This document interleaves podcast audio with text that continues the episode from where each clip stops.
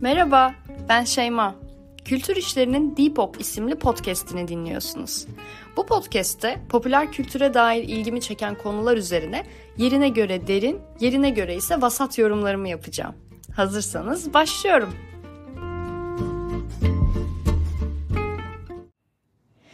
İlk bölümümüzün notlarını bana hep ilham olmuş fakat çok uzun zaman sonra ancak gelebildiğim bir mekanda yazıyorum. Top Ağacı Petra'dayım. Teşvikiye'de. Bir kahve söyledim. Masamda kurutulmuş çiçekler var ve arkada 70'ler Amerikan pop şarkıları çalıyor.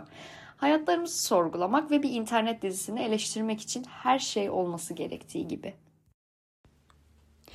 Kültür işlerinde ilk defa podcast yayınlarına başlayacağımızı konuştuğumuz zaman ben artık sadece edebiyat alanında konuşmak istemiyorum demiştim. Beni tanıyanlar senelerdir hayatımda hep edebiyatla ilgili olduğumu, lisans ve yüksek lisansım dolayısıyla hep bu alanda çalışmalar yaptığımı bilirler. Fakat her insan gibi ben de başka denizlere açılmak, başka şeyler konuşmak, biraz olsun sınırlarımı kaldırmak istedim. Bu yüzden ben popüler kültür konuşmak istiyorum dedim. Böylece gönlümden geçtiği gibi eğlenebilecektim belli bir alanda sıkışıp kalmayacaktım. Her şeyden az biraz bilip bundan gocunmayacak. Bunu bir de eksiklik olarak da görmeyecektim. Aksine bir de bu yarım yamalaklıktan zevk alacaktım. Popüler kültüre bayağı uygun diye düşünüyorum bu tavrın. Gelelim konumuza. Birkaç gün önce Netflix'te yayınlanan Zeytin Ağacı dizisini izledim. Aslında uzun zamandır Netflix'te yayınlanan Türk dizilerini izlemiyordum. İçimden gelmiyordu izlemek. Yani yanlış anlaşılmasın ama Türk dizisi mi izliyorsunuz üf diyen aşağılık kompleksli insanlardan olmadım hiçbir zaman. En azından televizyon işleri için. Çünkü televizyon yayıncılığının rutinini, hızını gayet iyi bilen biri olarak televizyon işlerinden çok fazla nitelik beklemiyorum. Ama internet işleri öyle değil. Dizi süreleri, tüm sezonun tek seferde çekilmesi, hazırlık için sahip olunan süre, maddi imkanlar vesaire derken internet işlerinin televizyon işlerine nazaran daha avantajlı olduğu zaten aşikar. Fakat bu kadar avantaja rağmen ortaya çıkan işlerin pek çoğu ne yazık ki hayal kırıklığı. Bazı işleri kenarda tutuyorum tabii ki. Neyse esas mevzu bu değil. Dediğim gibi uzun zamandır Netflix'teki Türk işlerini izlemiyordum. Ama geçen hafta gündelik yaşamım o kadar bunaltıcı hale geldi ki başka bir şeylere odaklanmak istedim. Ne olursa olsun. Beni bu hayattan uzaklaştıracak bir şeyler yapmak istedim ve siteye girdim. Ve sitede Tuğba Büyüküstü'nün başrolünde olduğu bu diziye denk geldim. Zeytin Ağacı'na. Tuğba Büyüküstü'ne ayrı bir sempatim vardır çocukluğumdan beri. Bilmiyorum belki de çocukken ona benzetildiğim içindir. E, bu arada bu benzetimi bana pek inandırıcı gelmiyor ama yani keşke benziyor olsam çok isterdim bunu. Ama e, diziyi de kendisinin safi güzelliğini izlemek için açtım başta. Diziye de geçmeden söyleyeyim bu arada Tuğba Büyüküstü'nün sadece güzelliğine hayranım. Oyunculuğuna asla değil. Çünkü bir insan 20 yıldır aynı işi yapıp nasıl bir adım dahi ilerleyemez gerçekten inanılır gibi değil. Neyse diziyi açtım. Yalnızca Tuğba Büyüküstü'nün değil diğer oyuncuların da kötü oyunculuklarına rağmen bir şekilde içine çekti beni hikayesi. Belki de benim de o an en büyük ihtiyacım bir şeyleri geride bırakıp yakın kız arkadaşlarımla bir Ege tatiline gitmekti. E, o yüzden beni bu kadar cezbetmiş de olabilir bilemiyorum. Yani sonuçta her beyaz yakalının en büyük hayali tası tarağı toplayıp Ege kasabasına yerleşmek değil mi?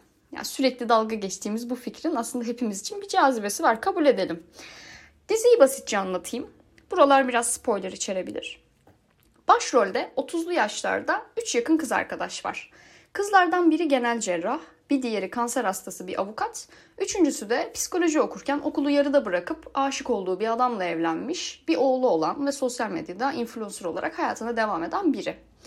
Avukat olan kızımızın hastalığı yeniden nüksediyor ve hastaneye yatması gerekiyor. E, o ise rastgele birinden öğrendiği e, Ayvalık'taki Zaman Bey adlı birinin yanına gitmek için yola çıkmak istiyor.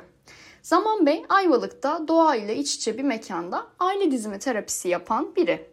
Dizinin sonunda aslında bir doktor olduğunu öğreniyoruz kendisinin. E, Cerrahpaşa değil pardon Hacettepe mezunu sanırım.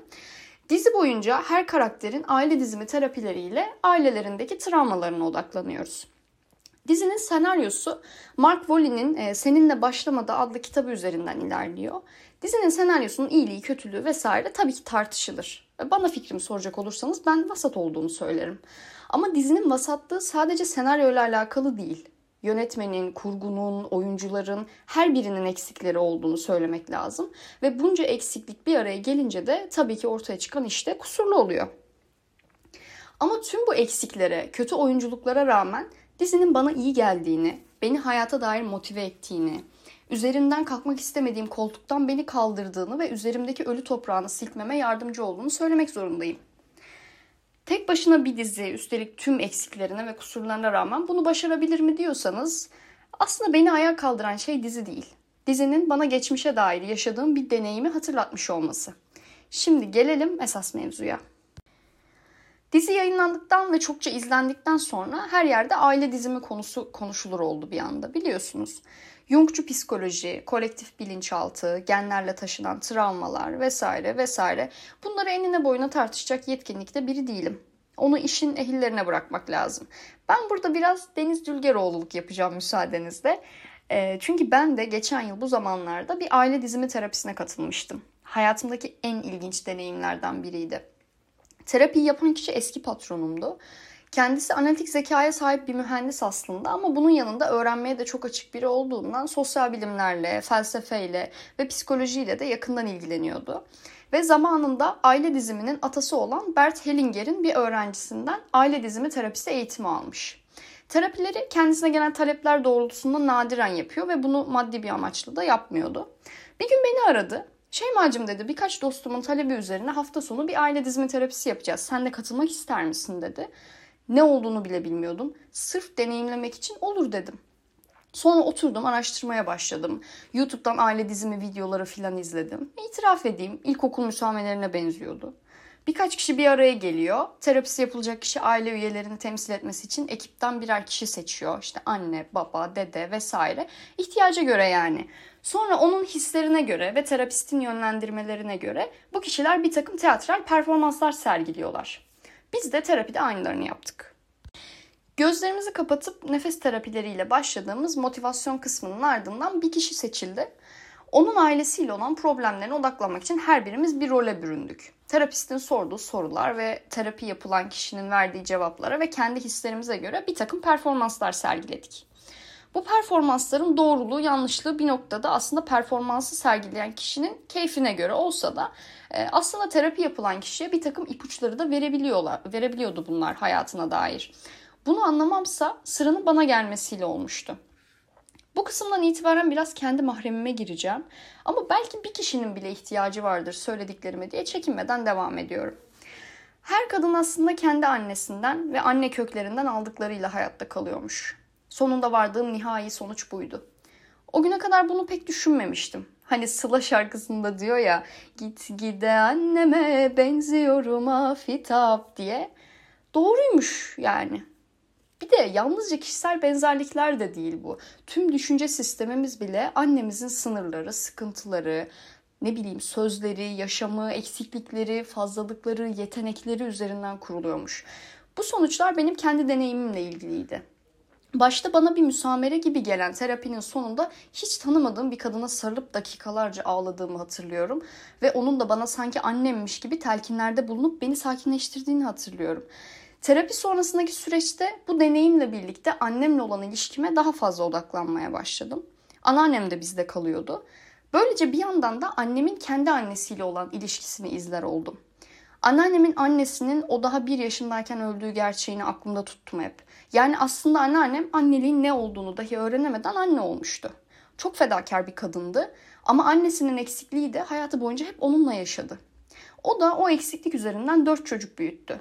Çocuklarıyla olan ilişkilerini hep bu eksiklik üzerinden kurdu. Sonra annem çok genç yaşta anne oldu. Annesinden öğrendiği ne varsa her ne kadar anneme benzemeyeceğim dese de o da kendi çocuklarını böyle büyüttü. Çok fedakardı. Kendini hiçe sayarcasına fedakardı. Ee, ve ben de bu kadının kızı olarak bu yaşıma kadar geldim. Yani kendini hiçe sayan kadınların büyüttüğü bir kız olarak geldim bu yaşıma. Bu bir yandan çok büyük bir sorumluluk bir yandan da kendimize nasıl bir hayat biçeceğimize dair önemli bir örnek aslında. Yani ben annemin fedakarlığının hep farkında olarak asla onu kıracak bir şey yapmamalıydım. Çünkü o hayatını bize feda etmişti. Çok büyük bir sorumluluk ve dahası ağır da büyük aslında bir çocuk için. Çünkü asla hata yapmamalıyım diye yaşamak hiç insanca değil. Bir yandan da ben de bir kadındım ve kadınlığı da annemden öğrenmiştim. Annemden öğrendiğim şekliyle de kendimi hiçe saymalıydım Her ne kadar aksini yapmaya çalışsam da ya da annem de hep aksini yapmamı bana telkin etse de bilinç dışımda hep bu fikir vardı. Çünkü bunu görmüştüm. Tüm bu sorgulamalarım bir yıldır sürüyor ve muhtemelen daha da sürecek. Bu söylediklerimden annemi ve anneannemi kötü bir biçimde eleştiriyorum sanılmasın sakın. Yani ben aslında kendimdeki sıkıntıların bir noktada onlarla alakalı olduğunu gördüm yavaş yavaş. Bu demek değil ki onlarla olan ilişkimi hiçe sayacağım. Aksine onların hayatını olduğu gibi kabul etmem gerektiğini, bununla savaşmam değil barışmam gerektiğini öğrendim. Böylece her şey süt liman mı oldu? Tabii ki hayır. Ama en azından kendimde daha barışık biri haline gelmeye başladım yavaş yavaş. Aile dizimi bir mucize mi? Tabii ki değil. Ama en azından kendinizi, kendi hayatınızı dışarıdan seyretmenizi sağlayacak bir yöntem ve kendinizi tanımak için de bir başlangıç vesilesi olabilir belki. En azından benim için öyle oldu. Çünkü ne kadar görmek istemesek de aslında her birimiz hayatlarımızın performans sanatçılarıyız. Shakespeare'in dediğine geleceğim. Dünya bir tiyatro sahnesi ve bizler de oyuncuyuz. İnsan nedenle oyuncu olduğunu ancak kendini dışarıdan baktığında anlıyormuş. Bu bir noktada aslında kendine mesafelenmek de demek bence. Çünkü o güne kadar attığın tüm samimiyet naraları boşa çıkıyor böylece. Nihayetinde hiçbirimiz kendimize karşı dahi samimi değiliz. Hepimiz birer performansı sergiliyoruz ve vakti geldiğinde bu sahneden çekilip gideceğiz. Şimdi tekrar diziye dönelim. Dizinin bence en büyük sıkıntısı aile dizimini bir mucize gibi anlatıyor olmasıydı. Yani bir seans sayesinde kadının kanser hastalığı iyileşmeye başlıyor.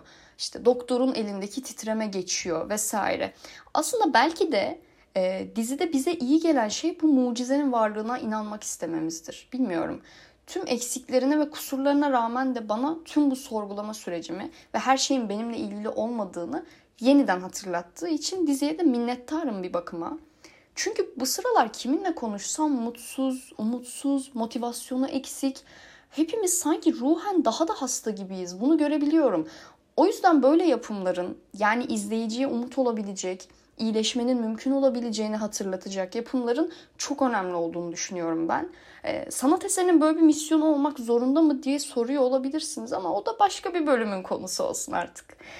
Ee, her geçen gün daha da şifalanacağımız bir ömür diliyorum hepimize. Çok sevgiler. Görüşmek üzere.